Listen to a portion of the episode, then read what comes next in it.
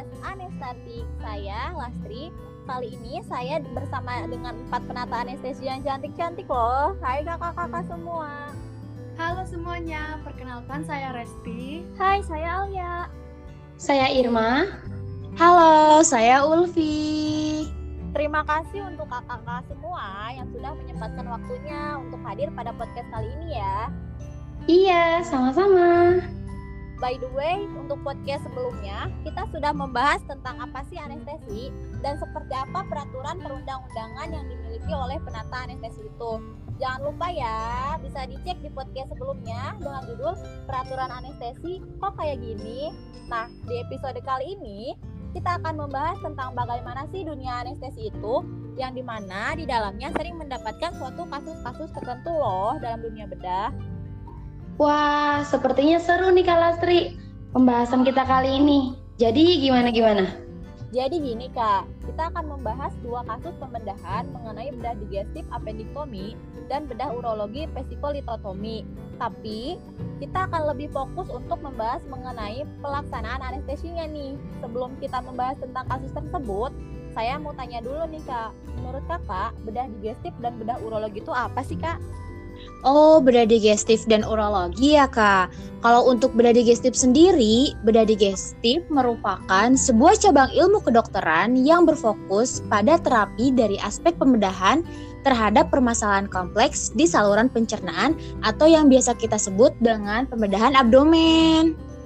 Nah, kalau untuk bedah urologi adalah cabang ilmu bedah kedokteran dengan tujuan untuk mengatasi gangguan kesehatan pada saluran kemih dan genital manusia dengan tindakan operasi. Wah, dari pengertian juga udah keren banget pasti ya pembahasan kita kali ini. Langsung saja saya bacakan mengenai kasusnya saja kali ya. Para pendengar mohon untuk disimak ya. Untuk kasus pertama ini yaitu mengenai kasus digestif. Ada seorang perempuan berusia 22 tahun dengan appendicitis kronis. Ia adalah seorang mahasiswi pasien akan dilakukan appendiktomi dengan anestesi umum menggunakan RTT. Kesadaran pasien normal, pasien tidak memiliki riwayat asma, tetapi pasien terlihat cemas. Berat badan pasien 50 kg, tidak ada kelainan pada gigi dan mulut, tekanan darah pasien 120 per 80, nadi 80 kali per menit, respirasi 12 kali per menit, suhu pasien 37,5 derajat Celcius. Hasil pemeriksaan lab darah, HB pasien 13, leukosit 12.000, fototoraks tidak ada tanda KP aktif, pasien terakhir makan dan minum 6 jam yang lalu. Terdapat surat izin SIA dan SIO. Nah, dari kasus yang telah saya bacakan barusan, apa sih Kak pendapat Kakak mengenai kasus yang saya bacakan? Uh, izin izin berpendapat ya Kak.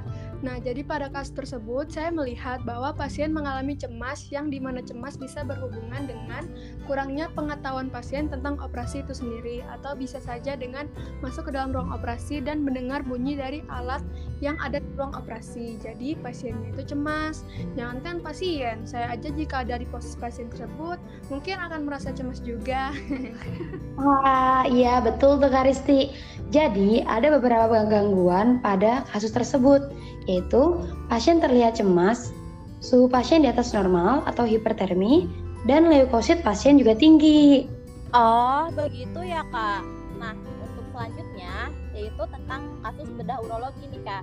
Pada kasus ini terdapat seorang pasien laki-laki berumur 56 tahun dengan vesikolitiasis yang akan dilakukan vesikolitotomi dengan anestesi umum menggunakan LMA.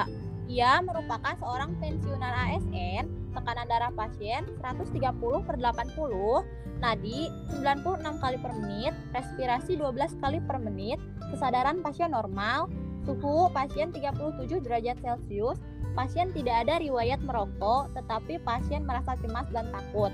Berat badan pasien 75 kg, tidak ada kelainan pada gigi dan mulut, hasil pemeriksaan lab darah, hemoglobin pasien 14, leukosit 8000, ureum 40, kreatinin 3,0, elektrolit pasien natrium 140, kalium 3,5, klor 103, bikarbonat pasien 27 persen, tidak ada tanda AKP aktif pada fototoraks, EKG pasien sinus takikardi, makan, minum dan minum terakhir 6 jam yang lalu.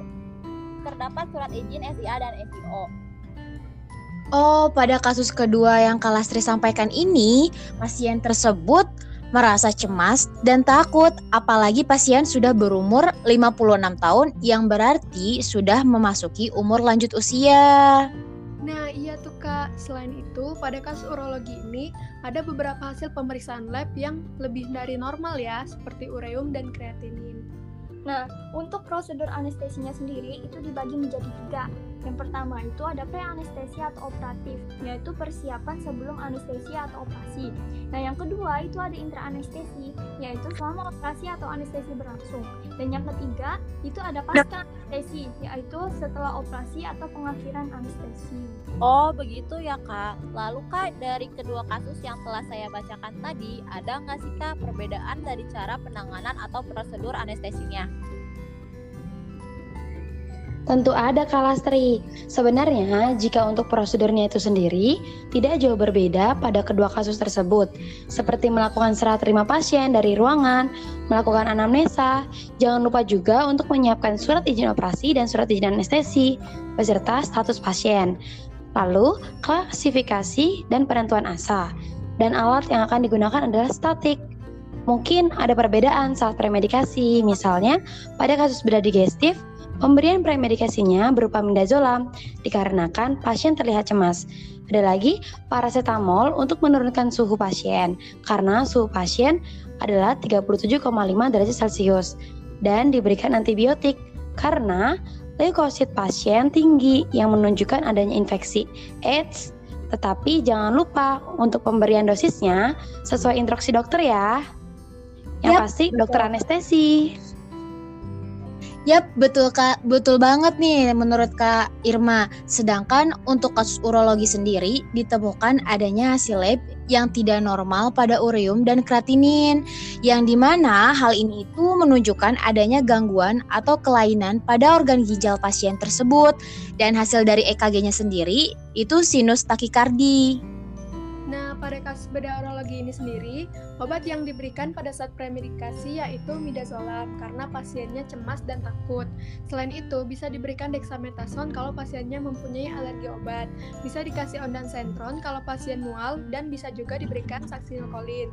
Hanya saja pasien pada kasus ini hanya tampak cemas, jadi diberikan midazolam saja. Wah, dapat banyak ilmu kita hari ini ya. Terus Kak, untuk perbedaan pada intra dan posnya sendiri bagaimana ya Kak? Nah, kalau untuk intra-anestesinya itu seperti memasang semua monitor, seperti pengukur EKG, tekanan darah, saturasi oksigen, dan suhu. Jangan lupa untuk pemasangan IV atau infus ya. Nah, selanjutnya memberikan obat induksi sesuai instruksi dokter anestesi. Setelah itu, melakukan intubasi, lalu mengatur posisi pasien sesuai kasus pembedahan. Kemudian, maintenance anestesi itu berupa mempertahankan mempertahankan kedalaman stadium anestesi, atur gas anestesi sesuai kebutuhan, intake cairan infus, memonitor tanda-tanda vital secara periodik, dan mengukur output cairan atau perdarahan. Nah, untuk terakhir melakukan pengakhiran anestesi dengan ekstubasi dengan syarat pasien sudah bisa bernapas normal atau adekuat dan oksigen itu tetap dibuka ya.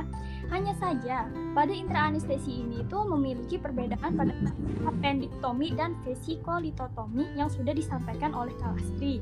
Nah, yang membedakan adalah perhatikan untuk pemilihan obat anestesinya karena dapat kita ketahui ya bahwa pada pasien kasus vesikolitotomi itu mengalami gangguan ginjal.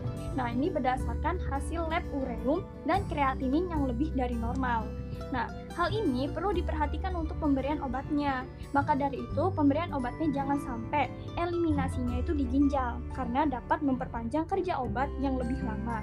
Nah, contohnya itu seperti kita dapat memberikan obat masker relaksan atrakurium, karena eliminasinya itu di plasma. Jadi aman untuk pemberian pada pasien yang mengalami gangguan ginjal maupun hati. Nah, selain itu, untuk kasus kasus appendiktomi intubasinya dengan menggunakan ETT, sedangkan kasus vesikolitotomi itu menggunakan LNA. Nah, pada posisi pasien juga nih perlu kita perhatikan. Kalau posisi appendiktomi itu dengan supine, kalau posisi vesikolitotomi itu dengan litotomi. Jadi seperti itu. Nah, untuk pos anestesinya sendiri seperti monitoring hemodinamik, adanya pendarahan atau enggaknya, dan tanda-tanda vital. Kemudian mengkaji nyeri pasien. Di dalamnya tuh ada manajemen nyeri dan pos operasinya. Nah, kemudian manajemen mual muntah pos operasi dan menentukan nilai address score-nya itu berapa. Baiklah, pada podcast kali ini dapat saya simpulkan bahwa bedah vesikolitotomi dan bedah appendiktomi ini memiliki beberapa perbedaan ya, seperti pemberian obat yang harus diberikan sesuai dengan keadaan pasien, Kemudian untuk pembebasan jalan napasnya juga berbeda pada bedah digestif menggunakan intubasi dengan ETT, sedangkan kalau untuk bedah urologi sendiri menggunakan intubasi dengan LMA. Kemudian posisi pada pasien saat operasi juga berbeda. Pesikolitotomi pada operasi pesikolitotomi dengan posisi litotomi, sedangkan pada operasi appendiktomi dengan posisi supine. Yap, betul Kak, seperti itu. Wah, tidak terasa ya waktunya. Terima kasih untuk penata yang sudah menyempatkan waktu dan men-share ilmu yang sangat bermanfaat ini ya. Semoga ilmunya bisa bermanfaat untuk kita semua. Saya Lastri, pamit undur diri. Terima kasih. Dah. Dadah semua. Terima kasih.